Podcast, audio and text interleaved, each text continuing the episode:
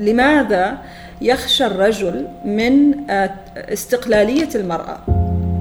فكان يقول لأن المرأة تعتبر آخر ممتلكات الرجل. البعض يعتبر المرأة هي ملكية شخصية له. المهر مهر الفتاة قد لا تلمس منه أي شيء يأخذه ولي الأمر. فيعني هذا أيضا عنف مالي بسبب ممارسات مجتمعية أنا أعتبرها شاذة. آه، يعني وتظلم المرأة أكثر من أنه تنصفها. نحن شعوب مستهلكة. نعم. الشعوب العربية.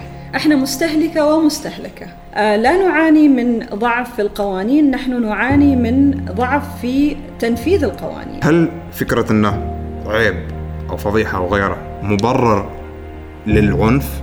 اللي يرتكب ضدها لماذا آه حوصرت المرأة أو الفتاة آه بالعيب أكثر من الرجل؟ أنت آه تصبح رهينة للبنك. أنت مرهون أنت رهنت حياتك. فلماذا أصبحت الشعوب والمجتمعات استهلاكية؟ لا يمكن أن تبدأ مشروع صغير بقرض. فعادة النساء هن من ينتشلن المجتمعات من الفقر. اللي عنده مال سعيد.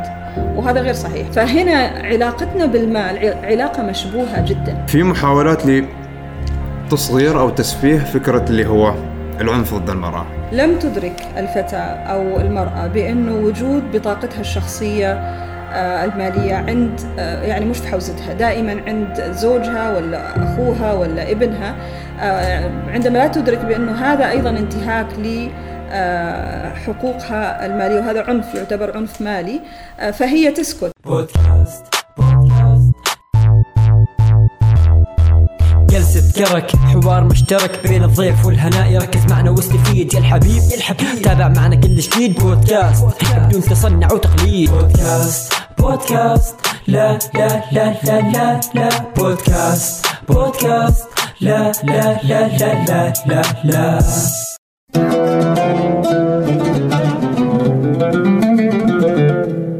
السلام عليكم. حلقة جديدة من بودكاست جلسة كرك واليوم معنا ضيف آه، جدا مميز جدا استثنائي. وهذه من اللقاءات المؤجلة من شهر ثلاثة بسبب كورونا. ومعنا اليوم الأستاذة شريفة البرامي. أهلا وسهلا. أهلين مرحبا. مساء الخير. أهلا مساء النور. آه طبعا الأستاذة شريفة غنية عن التعريف. الحلقة بتكون عن محورين أساسيين اللي هم المحور اولا آه، المحور الثراء والفكر الاستهلاكي. نعم. بعدين بنروح شوية صوب المحور المجتمعي. فهذا المحور نوعا ما فيه آه، مفاهيم كثيرة في فلسفة. فبنبدأ بسؤال نوعا ما عام اللي هو آه، إيش هو مفهوم الثراء الحقيقي؟ آه طيب مفهوم الثراء طبعا هو مختلف آه من شخص لشخص وأيضا من مجتمع لمجتمع. ولكن أيضا اختلف مفهوم الثراء مع تطور التطور الاقتصادي للمجتمعات. العديد من الناس آه، يخلطون ما بين آه، الثراء المادي ثراء يعني الثراء بالمال وما بين الثراء الحقيقي.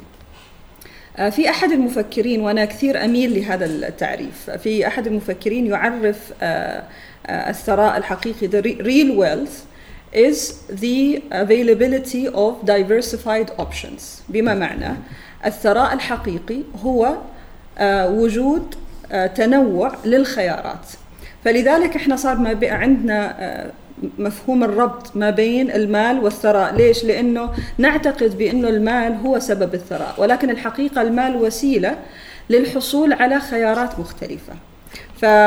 فمن هذا المنطلق يعني نستطيع أن نقول بأنه الثراء الحقيقي ليس مرتبط مباشرة بالمال وإنما المال وسيلة لتحقيق آه، أو آه، عرض خيارات مختلفة آه، مما يجعل الشخص يشعر بأنه ثري لأنه عنده خيارات. فهذه هذه مفهوم آه، بسيط وفكري للثراء. يعني فلذلك يعني هو ما شرط الشخص اللي عنده أموال طائلة هو ثري.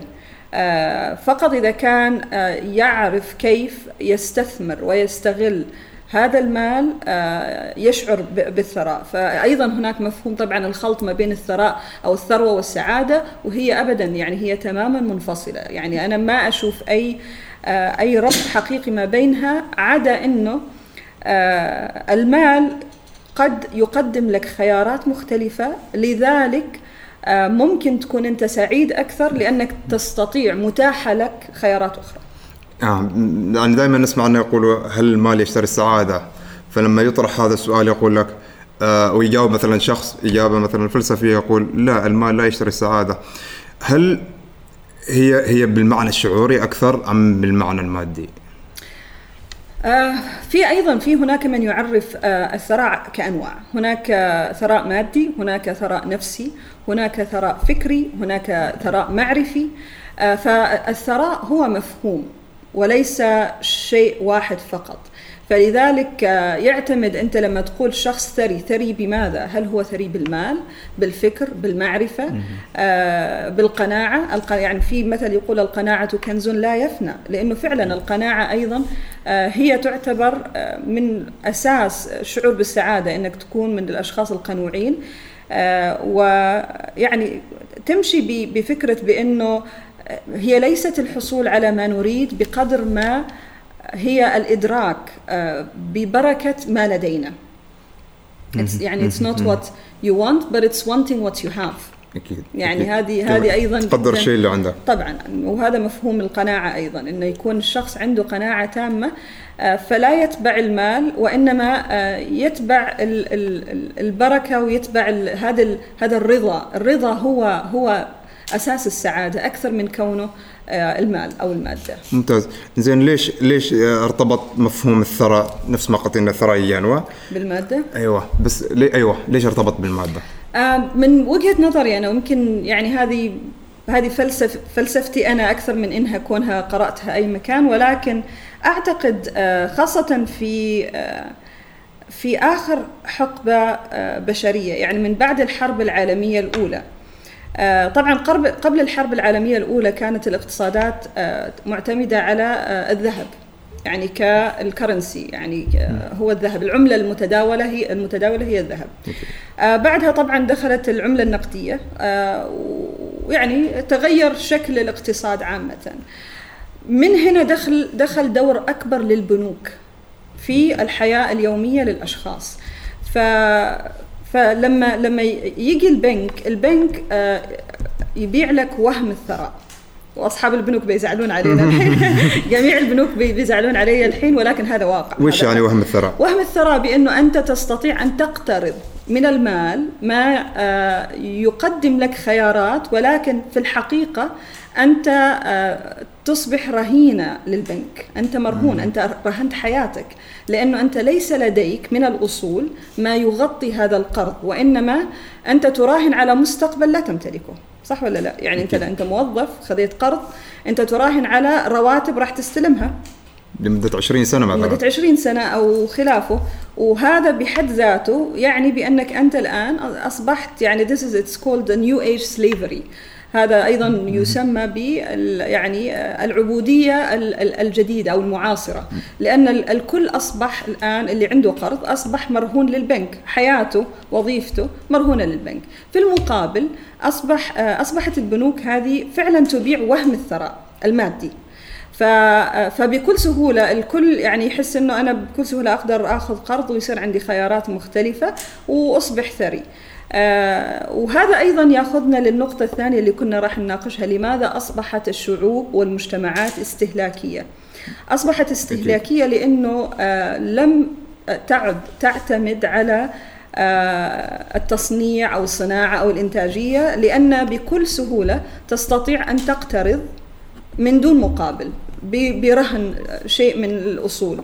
آه، فيما يعني قبل الحرب العالمية الأولى عندما كان كان النقد هو أو يعني المادة اللي تحول فيها العملة اللي تحول فيها أو يعني يتم التعامل معها هي الذهب. فتصير هي كلها بارتر المقايضة.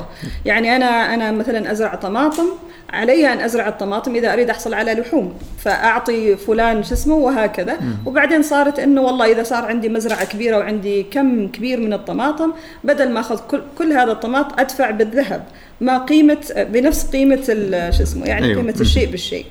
آه، طبعا هذا كله نسف عندما دخلت آه، العملة النقدية. وفي الحقيقة هي إذا تفكر فيها العملة النقدية ما لها قيمة حقيقية. نحن من نضع لها قيمة. ف... وأيضا هي الآن حتى أيضا not backed up by gold. كانت آه، مدعومة بالذهب ولكن هذا أيضا تم فكه. فلذلك يعني ال- التركيبة الاقتصادية والمالية كلها تغيرت وتغيرت معها تغير معها سلوك ال- السلوك الاستهلاكي. نعم. آه، بنرجع لنقطة السلوك الاستهلاكي بس في في نقطة اللي هي شدتني نقطة اللي هي العبودية الحديثة. نعم. في السابق العبودية كانت مثلا غصبا عن الشخص نعم. بنفسه. يعني في قوة ضده. أما الآن أنت ب... ب... باختيارك تروح وتحط نفسك كرهينة صحيح هل عندك مثلا من التجارب اللي تعرفيها رسالة معينة تريد توصليها؟ والله أنا أكبر رسالة وهذه الرسالة آه، من يوم ما ابتديت آه، دعم المشاريع الصغيرة والمتوسطة دائما أقولها وأكررها لا يمكن أن آه، تبدأ مشروع صغير بقرض ليش؟ لأنه يعني هو الأفضل إنك ت- تدخل معك شريك وتبيع له حصة من المشروع ولا إنك تدخل بقرض لأنه مستقبل المشروع غير مضمون. فأنت ت- أنت فعلا ترهن نفسك ترهن حياتك. يعني في آه، قصة رائعة من قصص شكسبير اللي هي The Merchant of Venice وهذه يعني بالذات تحكي هذا جوهر مسألة ال- المقايضة وال شو اسمه لما ما كان يعني يريد يستلف. وفي النهاية اعطاه جزء من لحمه. قال له أنا إذا يعني أريد أرهن تعطيني جزء من من من لحمك من your own flesh لأنه هكذا هي الآن آه، مفهوم ال- الاقتراض ومفهوم إنه الشخص يكون عنده دين. يعني لابد أن يفكر بجدية. هل هذا الدين أنا فعلا أحتاجه؟ ومتى س آه،. أتحرر من هذه العبودية؟ لأنه هي عبودية. يعني. في النهاية هي فعلا آه، عبودية. آه، أذكر في أحد المرات أنت صرحتي بأن في أحد مقاطع اللي تعمليها في الانستغرام إنه المشاريع الصغيرة والمتوسطة ما تتأثر بالأحداث العالمية اللي تصير الأحداث الاقتصادية. فويش كان القصد من هذا الكلام؟ هي تتأثر ولكن لا تتأثر بنفس آه، التأثير. آه، إيش القصد؟ القصد بإنه يعني آه، يعني تخيلها مثل مثل ما نقول إحنا يعني إذا كان كل ما كان الشيء صغير كل ما كان لديه الإمكانية في التحرك السريع. يعني the smaller you are the, the, the more agile and fit you are. وهذه قوة المشاريع الصغيرة والمتوسطة في ظل الأزمات. لأنه يعني إذا كان عندك أنت باخرة مثل التايتانيك شيء بسيط مثل آه، هذاك الثلج قضى عليها تماما. بينما إذا كان عندك آه، قويرب صغير بكل سهولة تستطيع out of it. فهذا كان هذا من هذا المنطلق. بأنه المشاريع الصغيرة آه، آه، تأثرها يكاد يكون آه، غير ملموس إذا كان ولكن أيضا بشرط إذا كان القائم على هذا المشروع مدرك لنقاط القوة عنده ونقاط الضعف عند الشركات الكبيرة. يعني في مثل يقول آه، آه، it's not the it's it's not a game it's not uh, survival for the fittest it's survival for the fastest. في الأعمال. يعني ال ال الاستمرارية لا تكون للشركات فقط اللي هي عندها يعني الهياكل و و و وإنما اللي هي تتجاوب بسرعة مع متغيرات آه، سوق العمل أو بيئة الأعمال. ممتاز ممتاز ممتاز. آه آه، بنرجع ل- ل- اللي هو نقطة مفهوم الثراء قبل أن ننتقل للمحور اللي نعم. بعده. آه تحديدا الثراء المادي. في مجتمعنا وحتى المجتمعات العربية تحديدا. نعم. إيش هي المفاهيم المغلوطة عنه؟ آه عدة عدة مفاهيم. يعني إحنا عدة مفاهيم عندنا من منها طبعا بإنه ال- ال- اللي عنده مال سعيد وهذا غير صحيح. يعني البارحة أنا كنت منزلة على إنستغرام إنه آه وهذا شفته يعني شفت آه امرأة كبيرة في السن تقول هذا الكلام. تقول بأنه أنت تستطيع أن تشتري الدواء ولكن لا تستطيع أن تشتري الصحة. أنت تستطيع أن تشتري المنزل ولكن لا تستطيع أن تشتري الأسرة. أنت تستطيع أن تشتري الهدايا ولكن لا تستطيع أن تشتري الحب. فإحنا ربطنا وجود المال آه، بوجود الصحة ووجود الأسرة ووجود الحب ووجود يعني كل هذه الأشياء وهذا غير صحيح. يعني المال آه، هو وسيلة فقط وسيلة فقط. يعني وفعلا يعني الواحد في النهاية الصحة الأسرة الحب العافية هذه الأمور هي الثراء الحقيقي والثروة الحقيقية وليست المال المال فقط وسيلة. أكيد أكيد أكيد ممتاز. زين آه، ليش دائما نسمع أن نحن أنت, ذكرتيها تقريبا في الكلام اللي قبل شوية أن نحن شعوب مستهلكة. نعم. الشعوب العربية. إحنا مستهلكة ومستهلكة. كيف؟ آه، لأنه إحنا مس إحنا مستهلكين آه، كون إنه أساسا يعني إحنا أنظمتنا الاقتصادية آه، بنيت على وجود النفط وليس وليس على الصناعات الحقيقية. وأيضا مع وجود النفط أيضا كبرت أكبر شريحة. إحنا أكبر قطاع عندنا في القطاع الخاص قطاع البنوك. فلو نرجع لكلامنا قبل شوية طيب إذا كان عندك أنت أكبر مؤسسات هي البنوك. معناته إيش؟ معناته عندك أنت فكر استهلاكي بحت الكل مقترض. يعني عندك نسبة كبيرة آه، جدا من المجتمع مقترض. كل عليه ديون. آه، كل حد عليه ديون. آه، فاللي عليهم ديون معناته إنه هم أساسا يعني داخلين في الدورة الاستهلاكية. يعني لم يأخذ الدين إلا للاستهلاك. لم يأخذ الدين حتى يدخر. نادرا أيضا ما تجد في مجتمعاتنا الأشخاص اللي يأخذون دين للاستثمار. أيضا اخذ إنك تأخذ دين للاستثمار آه، فيها مخاطرة لابد أن تكون مدروسة. ولكن ال ال الأغلب يأخذون الديون للاستهلاك شراء سيارة آه، شراء منزل الزواج. هذه كلها تعتبر ممارسات أساسا إهلاكية. إحنا نسميها إهلاكية. اشتريت سيارة قيمتها ما راح ترتفع. السيارة بتنزل. يعني هذا هذا هذا مورد أو أصول تهلك إهلاكية. آه، فمن هذا المنطلق إحنا فعلا مجتمعات استهلاكية لأننا أيضا نعتمد بشكل كبير على آه، البنوك. ولا توجد صناعات حقيقية آه، مبني عليها اقتصادنا. شعوب مستهلكة ليش؟ لأنه بسبب عدم وجود آه هذه القاعدة الصناعية الإنتاجية آه نحن نستورد آه ما أعرف إذا كان ما يقارب 80% مما يعني كل شيء نلبسه ونأكله قريب مما يكون مستورد مع أنه الآن ابتدينا ابتدى يكون في وعي بأنه إحنا نريد أن نركز على المنتج الوطني نريد أن نركز على آه بقاء هذه الأموال آه محليا. لأنه إذا أنت تشتري المستورد ماذا يعني ذلك؟ يعني بأنه آه قيمة المبلغ اللي دفعته كله بيخرج خارج السلطنة. أكيد. إذا أنت جهة أخرى استهلكتك أنت للحصول على مورد. فمن هنا إحنا من الجانبين. من الجانبين نعم. أوكي ممتاز ممتاز ممتاز. إنزين آه هل هل تعتقدي أن بنركز تو على مجتمعنا؟ نحن ما نعرف إيش يصير في المجتمعات العربية مم. بس أحس إن هنا يعني خصوصا نقول مثلا فئة الشباب مم. توظف خذ قرض سواء بيكون لبيت زواج أو انه مثلا سيارة هذه أشياء هو ما يأخذها حتى ممكن من قناعة كثر ما يأخذها من بس لأني شفت فلان يسوي. صحيح. وانت عندك اهتمام في اللي هو جانب تمكين الشباب. نعم. فكيف ممكن تنوري الشباب من هذه الناحية؟ شوف هو ما سهل. يعني أنا أول الأشخاص اللي وقعوا في هذا الفخ. يعني أول شيء سويته أتذكر لما حصلت على وظيفة ما ما صدقت لين خلصت الثلاث شهور. لأنه بعد ثلاث شهور آخذ رسالة تقييم تحديد راتب خذيتها للبنك وخذيت قرض. عشان اشتري سيارة. ترى من نفس المجتمع أنا يعني ما ما أقوله الآن وما أفتي به الآن آه هذا من وراء واقع تجربة شخصية. يعني أنا حالي حال كل الشباب والشابات اللي وقعوا في نفس الخطأ.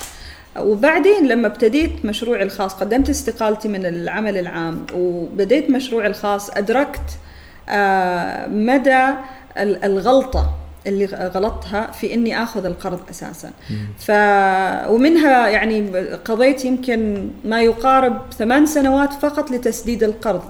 وفعلا يعني كان ضغط كبير ومش صعب آه إذا الإنسان عنده إرادة حقيقية ولكن لابد أن يكون عنده إرادة حقيقية بإنه آه، يدخر ما يكفي لتسديد القرض. يعني أنا أذكر وصلت لمرحلة 80% من من من الدخل اللي أحصله آه، أدخره مش للادخار. يعني للأسف كان حتى أجمع يعني الكم الكافي لتسديد القرض. لين ما خلصت سكرت القرض وحسيت اني فعلا حرة. حرة تماما. ليش؟ لأنه الآن تستطيع أن آه، تعمل على فكرة الاستثمار والادخار. أيضا هناك المعادلات الحقيقية للاداره المالية. العديد منا يجهلها. ما يعني غير مدرك بأنه آه لابد أن يكون عنده غير عن التأمينات الاجتماعية وهذه الأشياء بس لابد أن يكون عنده هو مخطط. وكل ما ابتدى مبكر كل ما كان أفضل. يعني أنت إذا ابتديت تدخر من عمرك 22 سنة حتى لو كان 50 ريال في الشهر أو 20 ريال في الشهر. يعني راح وفعلا يكون فيها ديسبلين فيها فعلا متابعة ويعني التزام حقيقي. ستجد نفسك يعني عندما تصل ال 40 صار عندك آه، يعني مبلغ وقدره. آه، القليل جدا من الشباب يفكر بهذه الطريقة للأسف. ولكن أتمنى أتمنى أن أرى عدد أكبر من الشباب يفكر بهذه الطريقة لأنه هو من يصنع مستقبله. يعني ما في شيء اسمه ضربة حظ بتجيك ويعني تفوز اللوتري ولا الوظيفة ولا لا. الثراء والوصول إلى الثراء الحقيقي يبدأ بالشخص نفسه. أن فعلا يكون مدخر حقيقي ويفكر في الاستثمار يفكر في الادخار يفكر حتى أنه والله أنا أريد أبتدي أدخر من عمري مثلا 22 سنة لأني أنا أريد أتقاعد في عمر 45 عام. وهذا يحصل الآن في في في العديد من مع العديد من الشباب في الغرب. آه، هذه الآن مثل ما تقول الهبة الجديدة عندهم. وفعلا يعني أنا ابتديت أتابع كثير من الشباب اللي يسوون حتى الستارت أبس. آه، فكرتهم أساسا خطتهم الاستثمارية وخطتهم الحياتية إنه آه، يعني ابتدى startup وابتدى يدخر من عمر 22 23 عام إلى أن بخطه إنه ما يوصل ال 40 أو ال 50 أو 45 عام إلا هو متقاعد. and uh, خلاص يتفرغ ل uh, إن كان المرحلة الإبداعية يعني الترفيه uh, هذه الأشياء. في نظره بعيده المدى. ضروري. وهذه النقطة جدا مهمة أنت قلتها. إحنا للأسف ما زلنا كمجتمعات لا نخطط لأكثر من خمس سنوات وهذا بحد ذاته خطأ. يعني يفترض أن يكون دائما تخطيط الشخص يتعدى يعني ينظر لي أين أريد أن أصبح بعد 15 إلى 20 عام. ولكن لا يكون أيضا ريجد آه، لا يكون كثير آه، جامد في الموضوع. أنت ما ممكن إنك تضع آه، تفاصيل الخطة ولكن ممكن أن تقول والله أريد أكون خلال 20 عام بعد 20 عام مؤثر على سبيل المثال في مجال ما. حتى المجال ما أعرفه الحين ولكن إذا وضعت هذه هذه الرؤية كل كل شيء تسويه بهذه النية لابد أن يتمحور عليها. أكيد. وكذا سبحان الله تبتدي يعني تتعدل الأمور في صالحك. ممتاز ممتاز ممتاز. آه في نقطة الادخار. آه نفس الشيء أنا كان فترة من فترات عندي آه، اهتمام بهذا الموضوع. في كاتب آه كتب كتاب اسمه I will teach you how to make money. مم. فكرة الكتاب إنه هو ضد موضوع الادخار تماما. مم. يعني مثلا مثلا نقول إذا أنت مثلا وهذه نسمعها مثلا مع جاري في وهذه الشباب إنه يقول لك بدل عن تشتري مثلا كل يوم كوب ستاربكس لو توفر صحيح. الريالين هذيلاك بعد مدة أنت ممكن تبني مشروع صغير. صحيح. هذا يقول العكس. وش يقول؟ يقول أنت دام إن هذا ستار ستاربكس الكوب أو هذا القهوة مثلا تعطيك شعور بالسعادة وهي مريحتك فكر في إنك كيف ممكن تجيب مصدر دخل ثاني. فبرايش وين الأفضل؟ هل إنك تركز على الادخار أو إنك تركز على إنك تجيب أعتقد في أي شيء توازن آه، جميل. يعني آه، بالإمكان كذا وكذا. يعني أنا أيضا من محبي جاري في كثير. يعني كثير أؤمن ولكن أيضا جاري في as an extreme يعني أنت ممكن تتبع آه، استراتيجية Gary Vee وأنا أنصح فيها. أنا بنفسي اتبعتها فترة وصار عندنا نقلة نوعية حتى في مشروعنا الخاص لأنه صار طريقة التفكير ال mindset mindset Gary Vee 6 months put your head down واشتغل يعني كرف. وبعدين ممكن تاخذ break مثل الفكرة الثانية اللي هي enjoy ولكن don't overdo it أساسا تعرف أنت شخصيا يعني أي شخص عندما آه، يؤمن بشيء ويمارسه أكثر من ستة أشهر آه، تصبح عادة عنده خلاص يعني صعب إنه يكسرها حتى لو كسرها يرجع. طبعا. فلذلك يعني آه، التوازن التوازن حلو ما بين الاثنين. ممتاز. زين آه شدني اللي هو موضوع التخطيط بس أنت ذكرتيه على صعيد اللي هو المجتمع والأفراد. على صعيد البزنس هل تنصحي؟ مثلا مثلا شركة أبل. شركة أبل ما تعمل مخطط لأكثر مثلا من ثمانية أشهر. يعني هم ما يقولون إحنا عندنا مثلا خطة خمسية خمسية أو 20 نعم. أو كذا. فأنت من واقع تجربة يمكن تجارب سابقة وحتى على صعيد اللي هو ماركيتكس هل تعملوا مثلا خطط على مثلا مدى خمس سنوات أو كل سنة أو إيش حقيقة لا. إحنا يعني لو تسألني إحنا لما ابتدينا ماركيتكس ابتدينا بدون فكرة إنه بنوصل اليوم لوين إحنا. آه لأنه أيضا يعني إحنا أيضا من الم... لما أقول أنا أنا وشريكي في في المشروع إحنا أيضا من المؤمنين آه جدا بإنه آه في بداية المشروع لابد أن يكون أو تكون مساحة المرونة كبيرة جدا. فإحنا أغلب الخطط اللي نمشي عليها آه، تعتمد بشكل مباشر على التغذية الراجعة من الزباين. سواء يعني إذا تقدر تقول بأنه إحنا مشروع مبني تماما tailored للزبون. ف فإيش إيش بنسوي الشهر الجاي؟ يعتمد زبايننا إيش يقولوا لنا؟ فهذه طريقتنا إحنا في okay. في المشروع. طبعا أنا لا أنصح الكل بأن يستمر ويعني أيضا من واقع يعني عادة المشاريع آه، ممكن إنك تسوي كذا لمدة خمس سنوات. بعد الخمس سنوات خلاص تصير أنت في مرحلة ال corporate فيفترض إنه بعد الخمس سنوات تبتدي تسوي أنت عاد الخطط اللي هي آه، استراتيجيات أكبر لأنه يفترض على السنة الخامسة وصل مشروعك ل آه يعني اولموست مشروع كبير مش بس متوسط خاصة إذا كان مشروع تقني.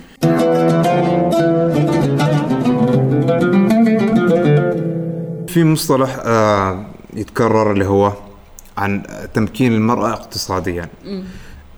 إيش المقصود به وكيف ممكن إن المرأة تتمكن اقتصاديا؟ آه طيب خلينا نبتدي بمفهوم التمكين الاقتصادي للمرأة وليش هو مهم. آه ببدأ أنا بلماذا أو ما هي أهمية التمكين الاقتصادي للمرأة؟ آه وهذا طبعا حسب الإحصائيات الإحصاءات الدولية. دول عالميا عادة المرأة أساسا آه، تعيش أطول من الرجل آه، وحسب إحصاءات آه، البنك الدولي. ما يقارب ب 75% من النساء اللواتي تعدن عمر 60 عام أو 65 عام. أصبحن هنا المعيلات الوحيدات لأنفسهن. وهذا ليس فقط في الغرب ولكن حتى الآن ابتدينا نرى هذه الظاهرة في مجتمعاتنا أيضا. فعندما تواجه المرأة هذه المعضلة لأنه هي فعلا معضلة يعني هي إذا لم تكن متمكنة اقتصاديا آه، واشتغلت على الادخار واشتغلت على نفسها من من عمر مبكر آه، تصل لهذا العمر وتجد نفسها آه، تبحث عن معيل إن كان أخ إن كان ابن إن كان طبعا الزوج عادة تكون يعني إحنا نتحدث المرأة إن كانت مطلقة أرملة معلقة أو لم تتزوج. يعني هي هذه الأربع حالات. عندما تصل لهذا العمر ولا يكون لديها مصدر رزق أو ممكنة اقتصاديا أو ماليا تصبح فعلا هي عالة على غيرها. وهنا تبتدي آه، المشاكل الاجتماعية.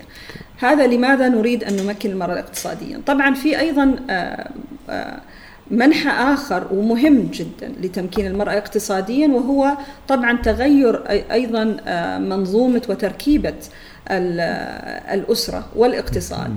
الآن لم لم تعود الأسرة تعتمد فقط على طرف واحد لإعالتها فقط الرجل وإنما أيضا المرأة.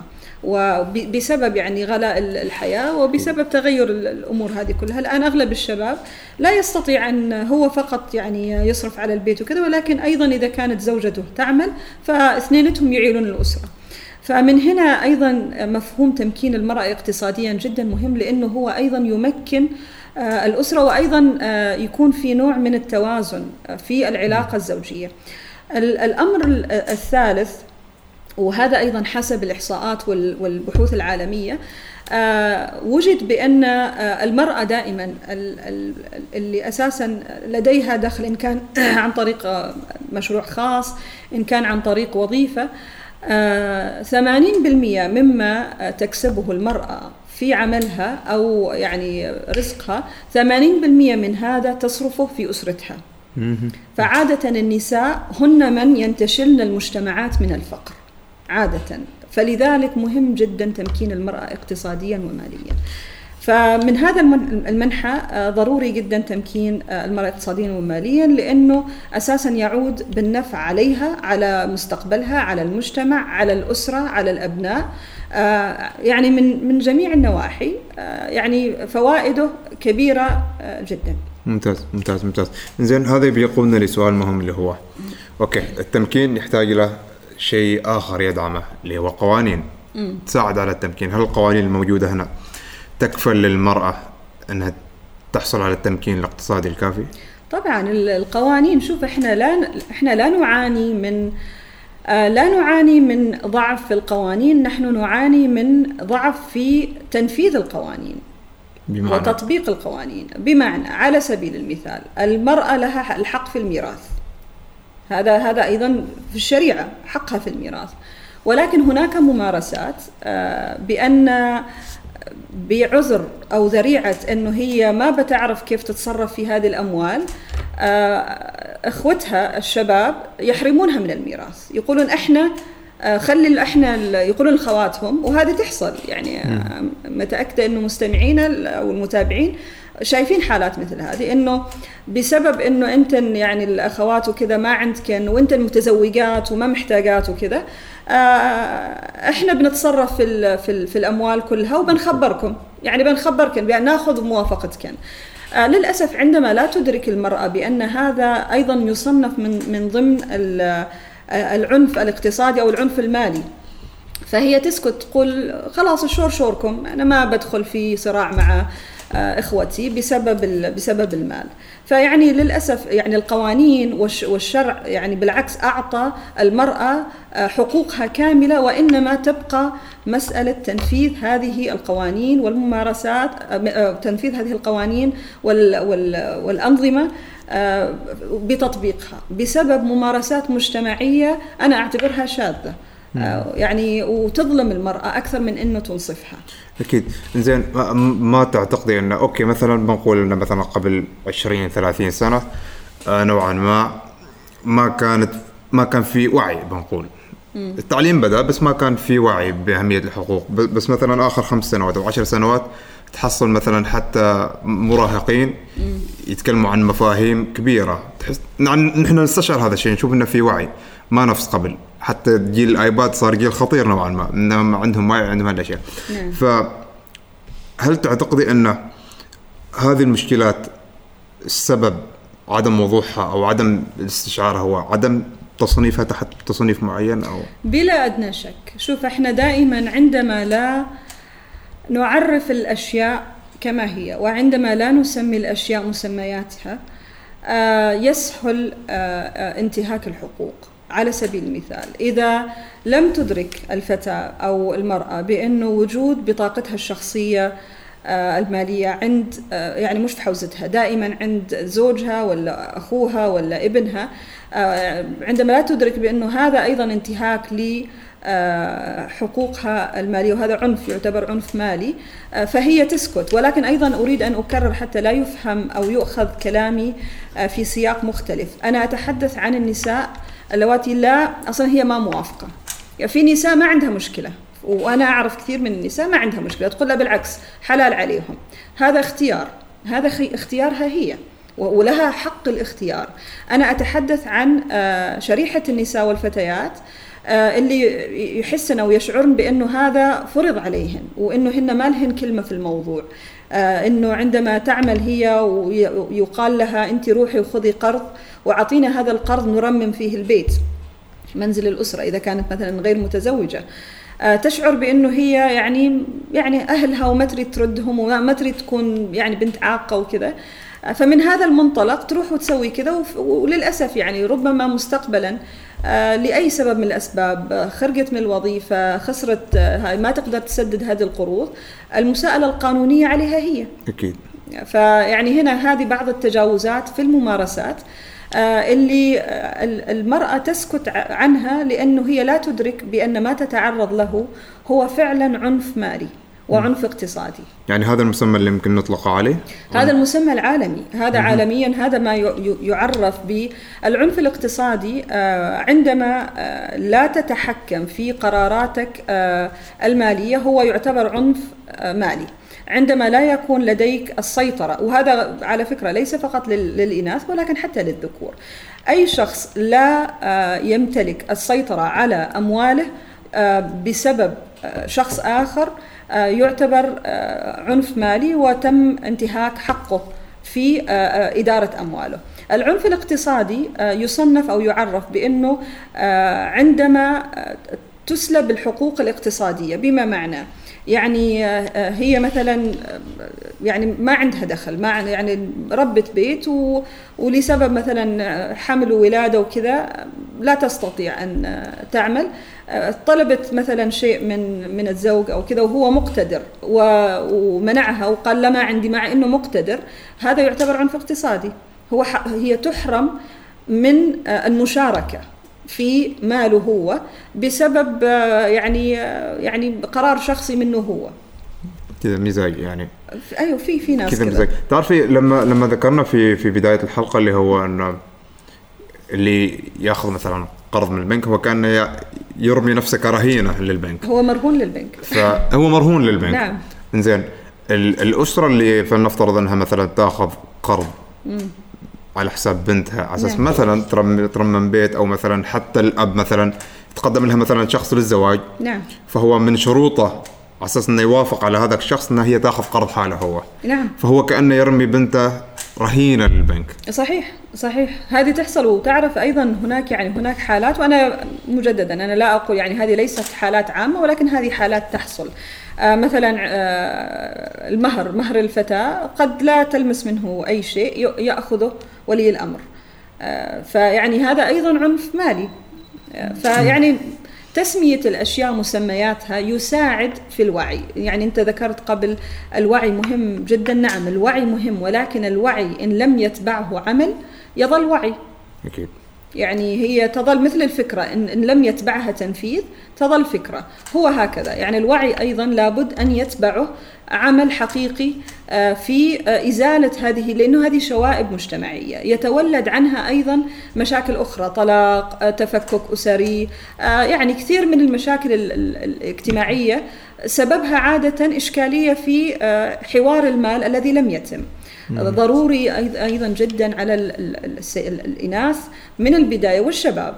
أن يكون حوار المال هذا الحوار المالي قبل الزواج جدا مهم وبكل شفافية. كيف راح نصرف؟ كيف راح نتشارك؟ لمن؟ ماذا؟ هذا هذا الاتفاق المالي لابد أن يكون مترسخ من البداية قبل أو مع عقد الزواج. جدا مهم. ممتاز. بس ما ما تلاحظي إنه آه نوعا ما في مجتمعاتنا العربية أي شيء يدخل في موضوع المال أو الفلوس نوعا ما نستحي منه. صحيح. يعني بنناقشه مثلا بعدين. صحيح. كيف هل هل لازم إحنا نتجاوز هذا الشيء؟ ضروري. ضروري ضروري جدا لأنه آه ما في عيب. يعني ما في عيب في إنك تتحدث عن المال. يعني أذكر أنا مرة كان عندي مقابلة وكان ما أتذكر كان إيش السؤال ولكن أنا إي كان كان السؤال هل هل هناك دعم يقدم للشباب من خلال يعني الجوائز وال تسليط الضوء عليهم في المؤتمرات وكذا وذكرت أنا يعني كرائد أعمال كرائدة أعمال. أنا لا يهمني إنه أحد يعمل لي آه، حفلة كبيرة وتغطية إعلامية لأنه هذا لا لا لا, لا يعود بأي مردود على مشروعي. أنا أبحث عن المال. أنا بديت مشروع حتى يكون في عائد مادي أستطيع من خلاله توظيف عدد أكبر من الشباب وتوسعه رقعه المشروع. بالضبط. فهنا علاقتنا بالمال علاقة مشبوهة جدا. تماما صحيح. صحيح تماما. يعني يعني آه، حتى تصير معنا مثلا مثلا أبسط موقف مثلا ان نحن طالعين مثلا نتغدى. نعم. فلما يجي موضوع الدفع زين نكون مثلا نحن نقول طلاب. فكلنا تقريبا مستوانا المادي نفس الشيء نعتمد على الراتب اللي يجينا من الجامعة أو من الكلية. فإذا دفع واحد واحد خلاص يبقى إن الموضوع إنه الشخص الثاني اللي المفروض يدفع هو يستحي كيف أنا بدفع كيف ما أدري ويش فنفس ما قلت أنا أحس إن العلاقة نوعا ما مشبوهة بس تو في مصطلح يتكرر نقول قبل الدفع ترى نظام بريطاني ما أيوه. معناته إن كل واحد كل واحد يدفع حصته أو مم. يتقاسم مم. فعلا يعني هي شوف هي أيضا مع الوعي ولكن تنفي يعني تطبيق هذا الوعي جدا مهم لأنه في النهاية آه علاقه علاقتنا جميعا يعني نساء ورجال علاقتنا بالمال ما زالت علاقة آه أنا أعتبرها غير سوية ويفترض يفترض إن ما يكون في آه, آه، هذا الحياة في مسألة المال. يعني في كثير من الأحيان يعني عندنا في ال business آه لو آه راح أسوي مشروع مع أحد حد أعرفه إن كان من الأهل أو من الأصدقاء أو الزملاء لما نوصل لمناقشة المال يصير في إحراج. ليش؟ ما المفروض؟ ما المفروض يكون في أي إحراج؟ بالعكس business is business هذه الأشياء ما فيها يعني ما فيها أي إحراج ويفترض إنه الشخص يكون جدا يتحدث بشفافية تامة يعني حتى مريحة جدا هذه الشفافية. إنك تتحدث بشفافية تامة إنه لا أنا أرى بأنه وقتي هذه قيمته وهذا اللي أطلبه. إن رفضت رفضك لا يعني بأنه شيء شخصي أنت ترفضني أنا كشخص وإنما ترفض العرض اللي أعطيتك إياه. أرجع أنا واغير العرض ما فيها شيء. أتوقع أن الشبهة هي في في طريقة نظرتنا للموضوع بحيث انه نفس ما قلت انه نحن نحس كان الموضوع شخصي, شخصي مثلا. نشخصن نشخصن مواضيع أو مناقشة المال فعلا. ممتاز. زين آه بنرجع فقط لنقطة اللي هي العنف المالي أو العنف الاقتصادي. آه أنت ذكرت أمثلة كثيرة اللي هو مثلا في وحدة مثلا آه موضوع المهارة وإن القرض أو اللي يكون. نحن الآن نوعا ما حطينا التعريف اللي هو على صعيد مثلا مجتمعنا. هو كتعريف عالمي موجود. بس مثلا كتعريف عالمي أوكي وش العنف المالي مثلا في مجتمعنا؟ مثلا سالفة المهر تدخل نعم. من ضمنها أو البطاقة البنكية. البطاقة الشخصية. زين البنت أو أو الشاب أو اللي يكون في هذا الموضوع كيف ممكن إنه هو يتعامل معه إذا صار؟ شوف أول أول حاجة إنه آه، لا يخاف من أن يقول لا. إحنا أيضا عندنا علاقتنا بالمال مشبوهة ولكن أيضا علاقتنا بالرفض مشبوهة. العديد منا آه، لا يشعر بأريحية في إنه يرفض الشيء ويقول لا. الخوف من الخوف من الريجكشن الخوف من رفض أو نبذ المجتمع إليه آه، إنه لما يقول لا هذه أيضا هذا مفهوم غير صحيح. يعني آه، على الشخص أن يفصل ما بين كلمة لا إن أرفض الشيء وما بين إحساس الشخص الآخر أو آه، تقييمه إلي أو حتى حكمه علي. آه، المفروض إنه ما مهم. إذا الشخص كان راح يحكم علي بإني أنا رفضت شيء واحد إذا أنا لست بحاجة لوجود هذا الشخص في محيطي. لأنه هذا الشخص سام أو يعني توكسيك فلذلك علاقتنا أيضا بلا يعني يفترض إنه إذا لم أكن آه، مرتاح من إني أنا أعطي بطاقتي آه، بطاقتي البنكية لأي حد آه، لأي سبب وأريد أقول لا يفترض أن أقول لا. قل لا خلاص يعني قد تتعرض لمضايقة قد تتعرض لي يعني بعض هذا ولكن تتعداها. لأنه تصير أنت شخص أقوى أكيد. ويصير عندك ثقة أكبر في إنك أنت أنت من يتحكم في القرارات المهمة في حياتك. أكيد أكيد. تعرفي اللي هو هذا هذا الموضوع نوعا ما آه شبهة أو أو موضوع إنه نقول لا نحن نحس الموضوع صعب أو مشبوه السبب إنه يكون مربوط بشيء ثاني اللي هو مثلا عقوق الوالدين أو مثلا مم. عدم احترامهم. مثلا إذا جاء الأب قال أنت لازم تأخذي قرض ولا مثلا ما راضى عنك. حتى هو هنا يدخل لغط كبير هو موضوع صحيح. مثلا رضا الوالدين. ف أنا أحس إنه هو الموضوع كله بناء على خيارات شخص. نعم. أحس إنه لازم إحنا كأشخاص أو حتى كشباب أنت تكون متمسك بحياتك أو بقراراتك. إنزين آه بنختم بس أرجع لك على نقطة مهمة آه، جدا هنا، هناك أيضا مهارات آه مهارات التعامل. يعني إذا كان أنا راح أتعامل مع الوالد مثلا أو الوالدة أحد الوالدين اللي آه، من منظوره هو آه، له الحق في إنه يحصل على قرض من وظيفتي أنا على سبيل المثال. كيف أقنعه بإنه لا يعني ما أقول لا بس ويصير في آه، صدام. آه، يفترض إني أنا مثلا أجلس معه وأشرح له. ماذا لو أنا خرجت من وظيفتي؟ آه، بيصير علي مساءلة قانونية يمكن أروح السجن. هل يرضيك يابا يعني هل يرضيك إني أروح السجن؟ أيضا فن التعامل والحوار جدا مهم. يعني أنت ما في حد من أهلك يريد إن يضعك في مأزق. ولكن ربما أيضا هو غير واعي للتبعات. اللي ممكن تترتب على الموضوع إن, إن أنت لم تستطع تسديد هذه القروض. فيعني أيضا الحوار الحوار الحوار جدا مهم في هذه الأمور آه، ويكون حوار شفاف ويعني بإقناع وليس بصدام. ممتاز ممتاز ممتاز. يعني نجلس نتحاور.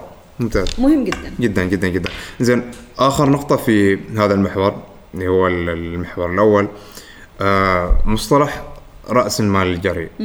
السؤال من شقين. آه إيش المقصود فيه؟ هذا الشق الأول، الشق الثاني كيف طريقة الاستثمار فيه؟ آه جميل. أنا أعشق شيء اسمه استثمار برأس المال الجريء لأنه يعني الفترة اللي دخلت فيها في آه في إدارة آه مسرعة الأعمال في صندوق العمان التكنولوجيا تعلمت الكثير عن هذا الموضوع ورأيت أو وجدت بأنه آه، بيئة الأعمال عندنا تفتقر لتطور هذا القطاع مما يؤثر على نمو مشاريع ذات صبغة طبعا تقنية ومتسارعة النمو. الاستثمار برأس المال الجريء هو الاستثمار عادة الأمثل للمشاريع التقنية متسارعة النمو. يعني وهذه هي المشاريع أكثرها الآن في آخر 30 سنة و40 سنة هي المشاريع السائدة. يعني إحنا نتحدث عن أيام ما كانت صناعة السيارات أو شركات آه، السيارات هي كانت الأكبر الآن. لا عندك ابل وجوجل والمشاريع التقنية. أكيد. جميع هذه المشاريع التقنية اللي هي الآن تعتبر المشاريع الأكبر في العالم كلها بنيت على استثمار برأس مال جريء في آه، مراحل النمو الأولى. استثمار برأس المال الجريء هو مثل الاسم رأس مال يسمى إما رأس مال جريء أو رأس مال مبادر آه إيش المقصود منه؟ المقصود منه بأنه آه الشخص أو المؤسسة التي تستثمر في هذه المشروع هذا هذه المشاريع تأخذ نسبة عالية جدا من المخاطرة. ليش؟ لأنه أغلب هذه المشاريع لا تمتلك آه تاريخ آه محاسبي أو مالي آه، يعطي المستثمر الثقة بأنه هذه المشاريع ستنمو بطريقة معينة. حتى لذلك يقول لك كل ما يعني the, the, the, the earlier you invest the bigger the reward. يعني كل ما استثمرت في المشروع في مرحلة أبكر يعني أبدا أبدا حتى ما عندهم يعني أي قوائم مالية آه لما تدخل في هذيك المرحلة. وفعلا يكبر المشروع على أن يوصل لمرحلة مثلا السيريز A ولا B العوائد الأكبر تعود للمستثمرين اللي استثمروا على العمياني. إحنا نسميها مستثمر على العمياني. ليش؟ هو آمن في فريق العمل آمن بالفكرة آه، آمن بحجم الأسواق المستهدفة وآمن بأنه الفريق قادر على أن ينفذ هذا المشروع. فكل ما كبرت المخاطرة كل ما كبرت العوائد ممتاز. هذا هو الاستثمار برأس المال الجريء أوكي كيف كيف كيف ممكن إحنا يعني هل أنت استثمرتي برأس مال جريء قبل؟ عندي عندي استثمارات شخصية برأس مال جريء وطبعا أيام ما كنت في الصندوق العماني للتكنولوجيا، الصندوق العماني للتكنولوجيا أساسا آه، يعمل آه، تماما بمفهوم الاستثمار برأس المال الجريء venture capital. آه لما كنت طبعا في الصندوق استثمرنا في خمس شركات آه برأس مال جريء طبعا منها مشروع مندوب آه إنوتك آه اللي هي الشباب اللي إلى الآن الحمد لله يعني في نمو. شخصيا مستثمرة في بعض المشاريع في السلطنة وخارج السلطنة بأموالي الخاصة.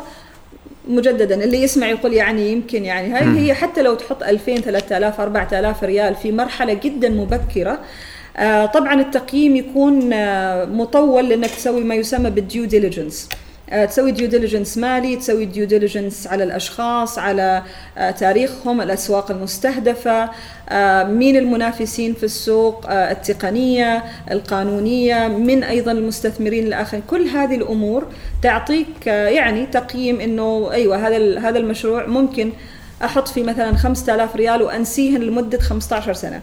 بس بعدين ممكن تكون في عوائد إذا استمر المشروع أكيد. ووصل إلى يعني يصير مشروع مليوني ال 5000 هذه قد تصبح آه، مليون ريال. ممتاز. يعني في مشاريع فعلا صار فيها كذا. ف فيا هو حلو حلو حلوة فكرة الاستثمار برأس المال الجريء.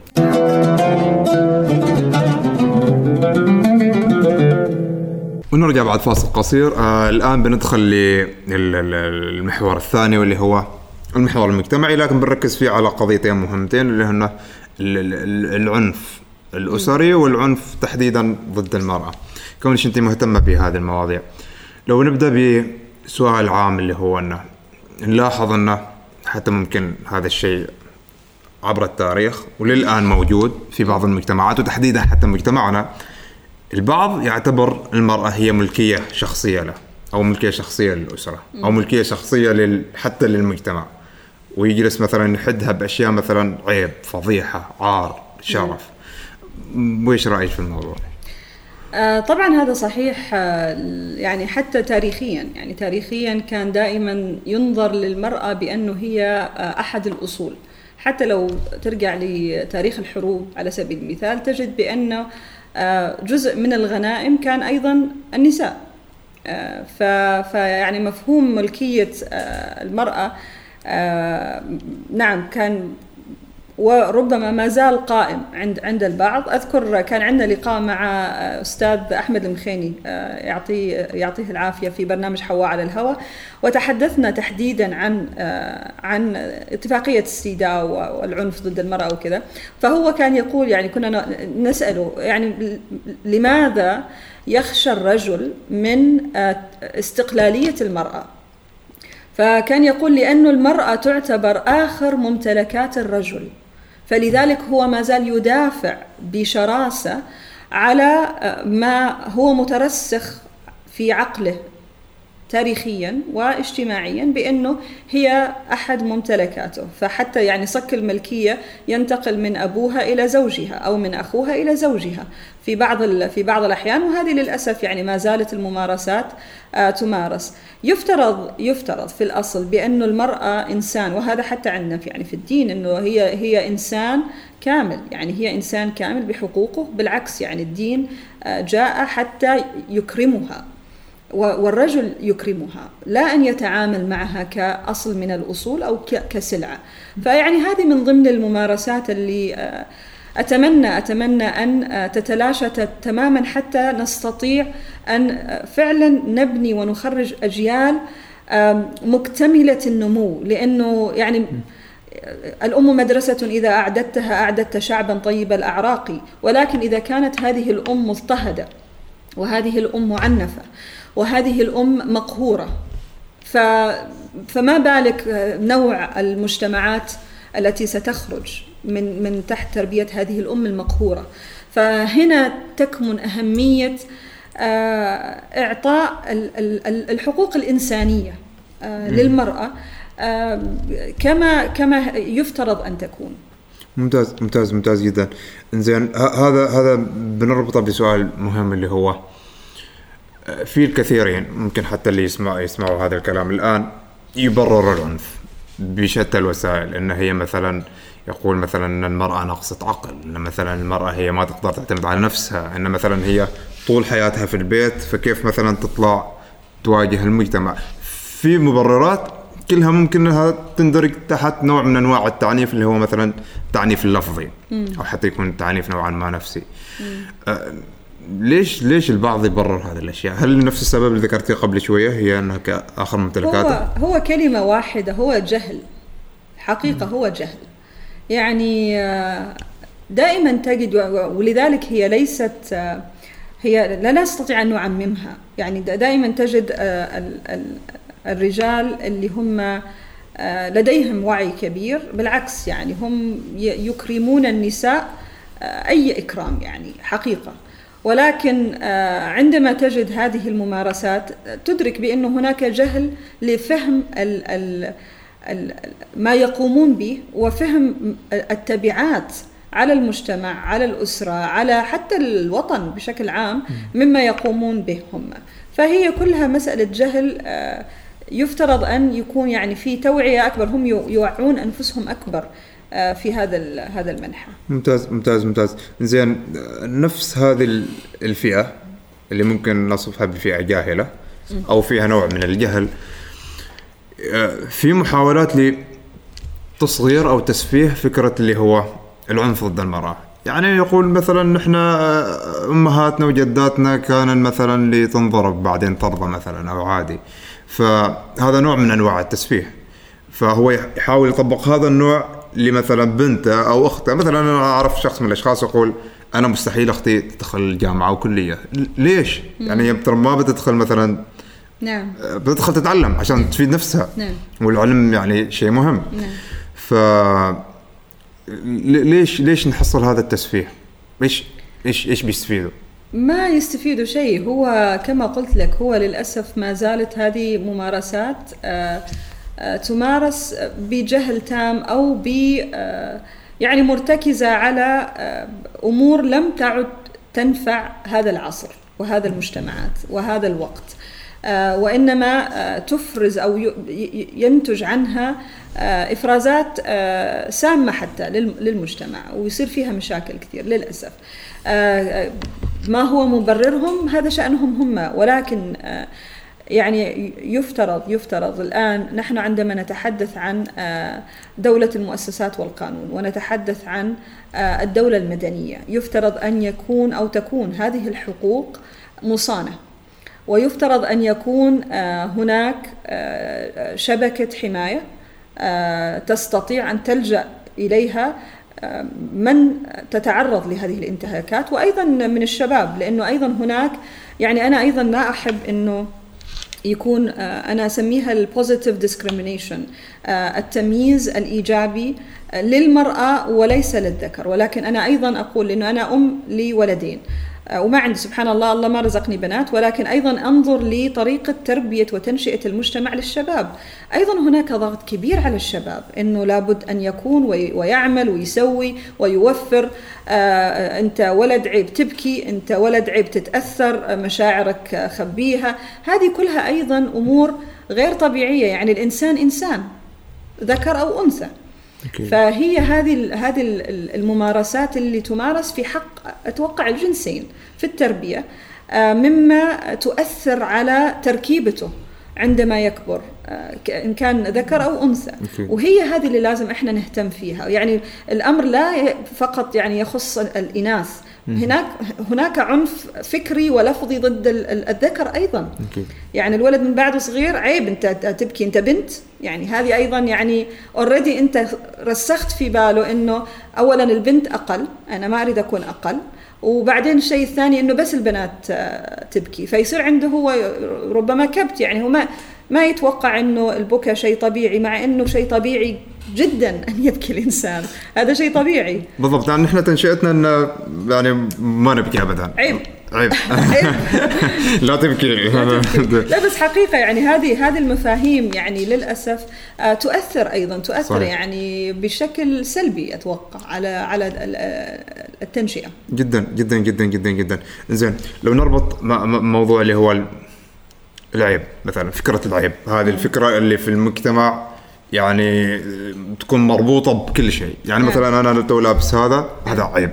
ليش؟ نعم. بس ما تعرف ليش لأنه عيب لأن الاشخاص الثانيين ما يلبسوا فال البعض مثلا مثلا مثلا نحن كلنا بشر. أنت نفس ما قلتي سواء نعم. ذكر أو أنثى نحن كلنا بشر. البشر خطاؤون.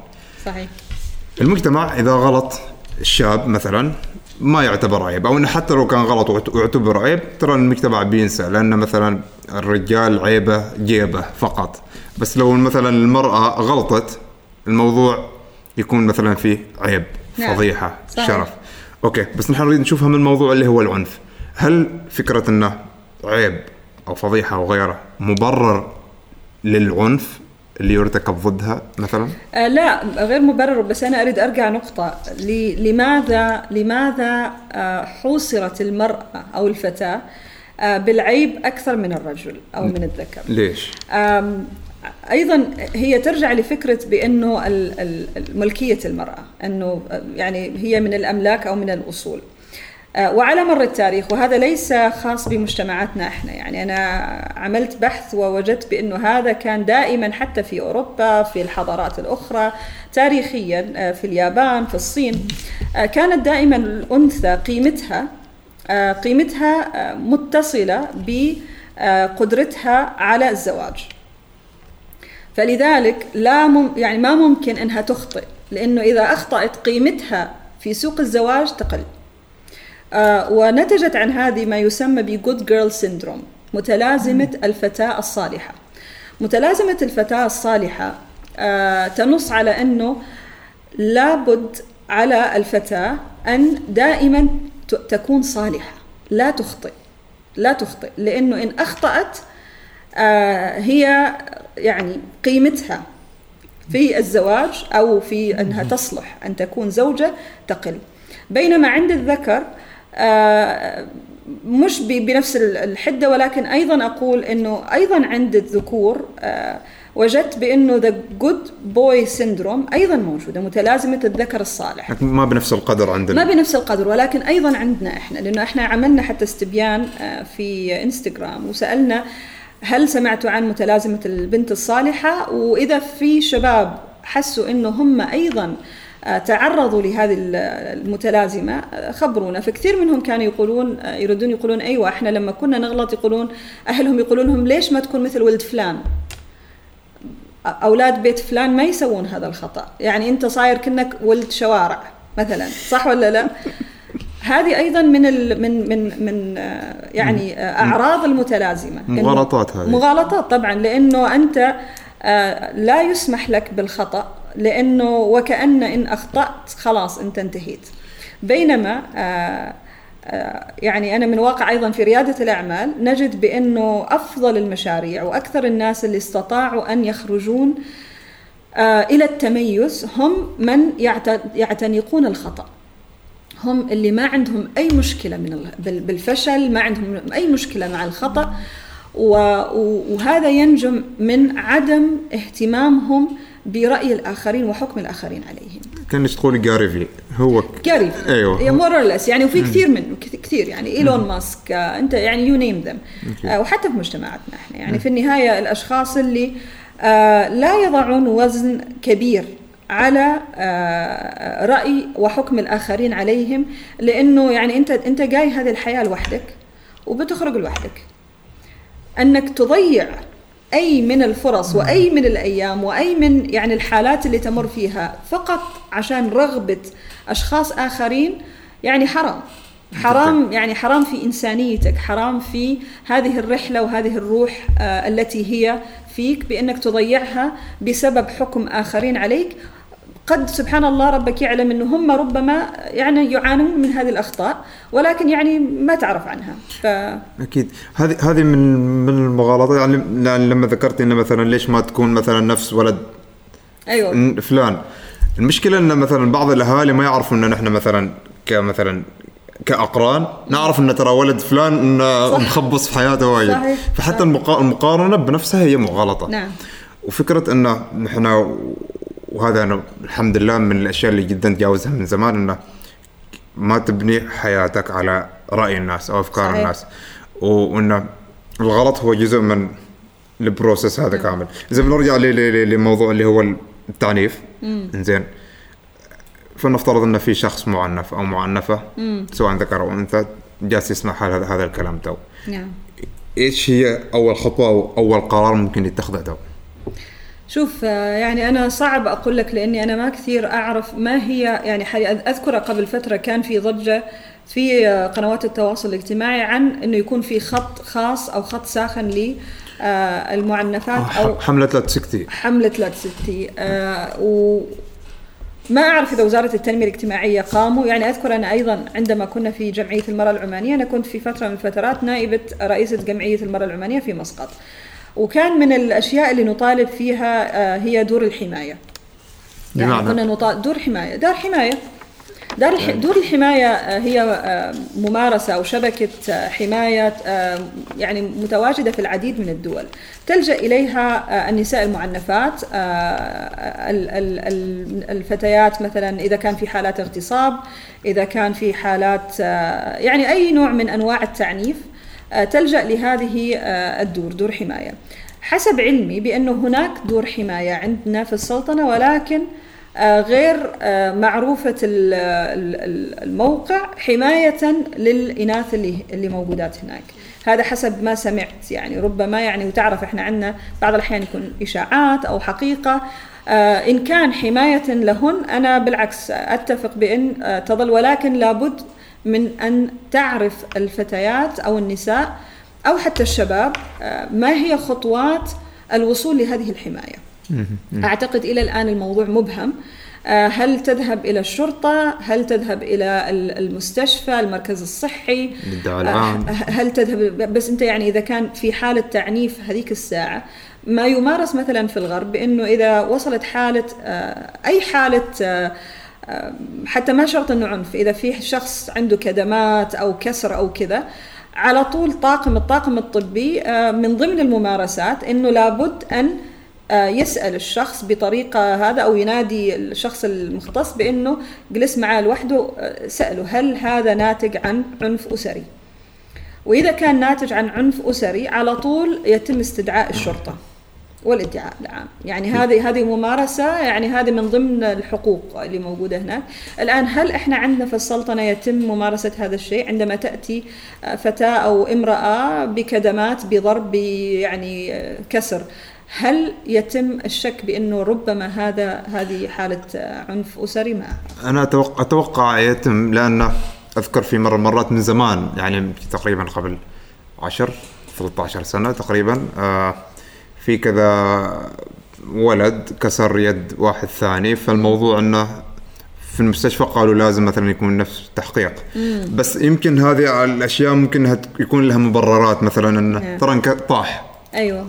تعثر أو اللي يكون. بس مثلا كدمات كيف ممكن يطيح يحصل كدمة؟ بالضبط. لا هي بس أتوقع إنه في تدخل أنا. أتمنى ذلك. أنا تعرف هي الإشكالية الأكبر بإنه العديد من المعنفات أيضا آه، يسكتن يعني سكتن ما ما يتكلمن ليش؟ لأنه آه، يعتبر عار يعتبر آه، عيب يعتبر إنه وفي أسر في أسر تقول تقولها أنت لو يعني أنت عنفتي بسببك أنت أنت ما سمعتي الكلام أو انت أنت استفزيتيه. انت للأسف وهذا تحصل هذه تحصل. في كل مرة الواحد يستفز الثاني بنظاره يعني؟ أيوه للأسف تحصل.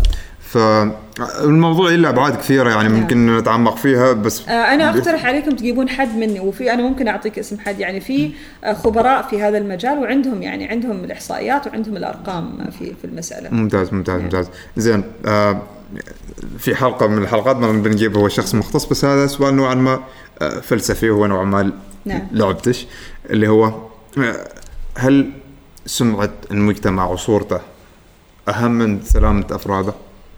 طبعا لا.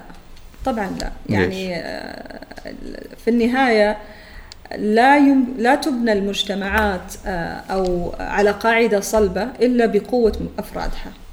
يعني ما في المجتمع ما هو المجتمع؟ المجتمع عبارة عن الأفراد.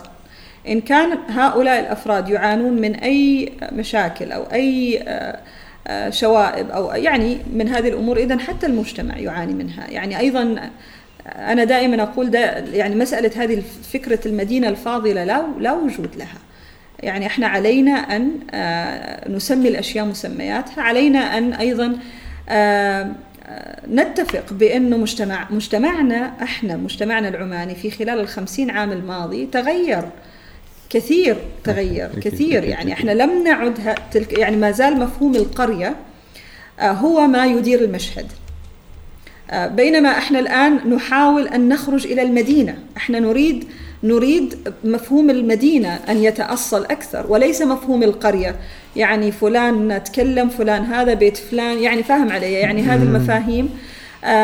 وحتى في يعني في, في للأسف في التعاطي أيضا آه الحكومي بعض الأحيان مع مع المجتمع بمفهوم القرية. يعني لابد أن تأخذ تصاريح لكل شيء.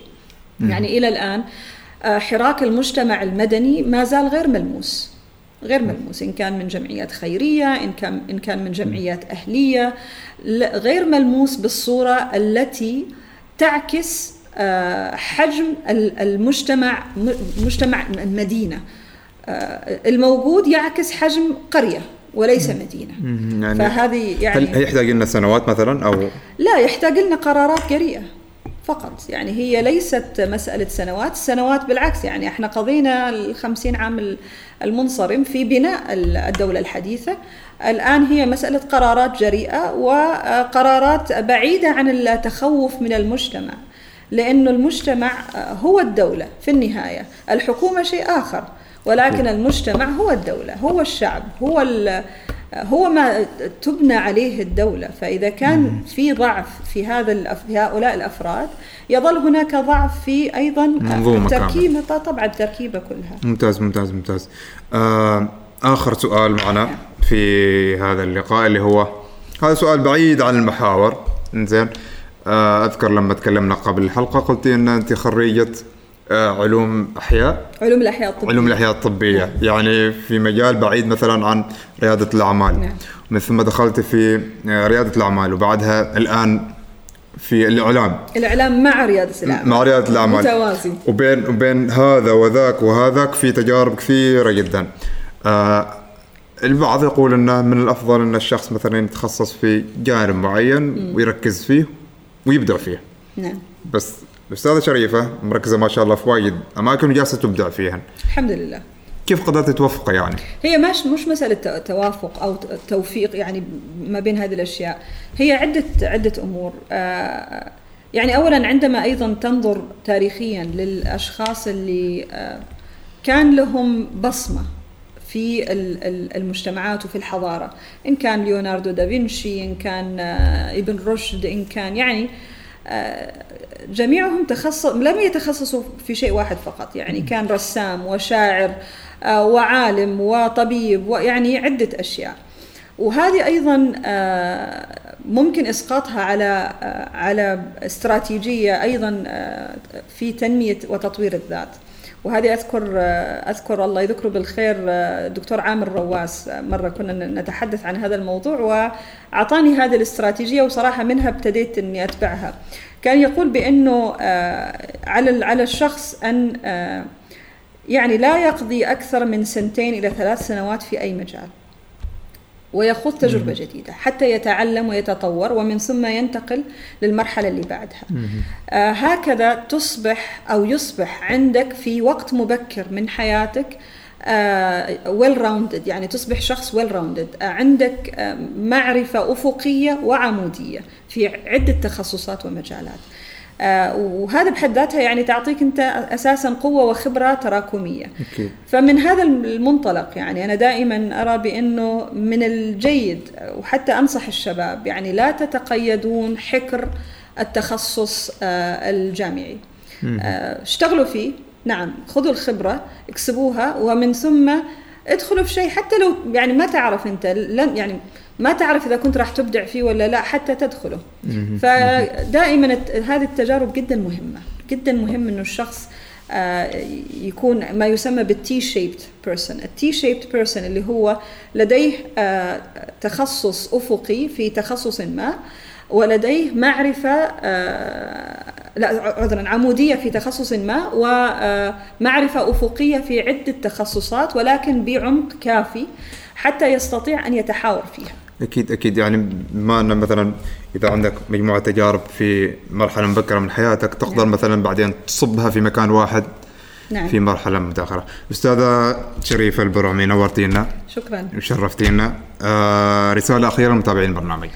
اولا طبعا أشكركم على هذه الاستضافة. آه كنت مرتبكة شوية قبل ما أجي مع ان مع إني متعودة على شو اسمه اللقاءات بس آه يعني جلسة كرك شوية يعني خفت من الأسئلة.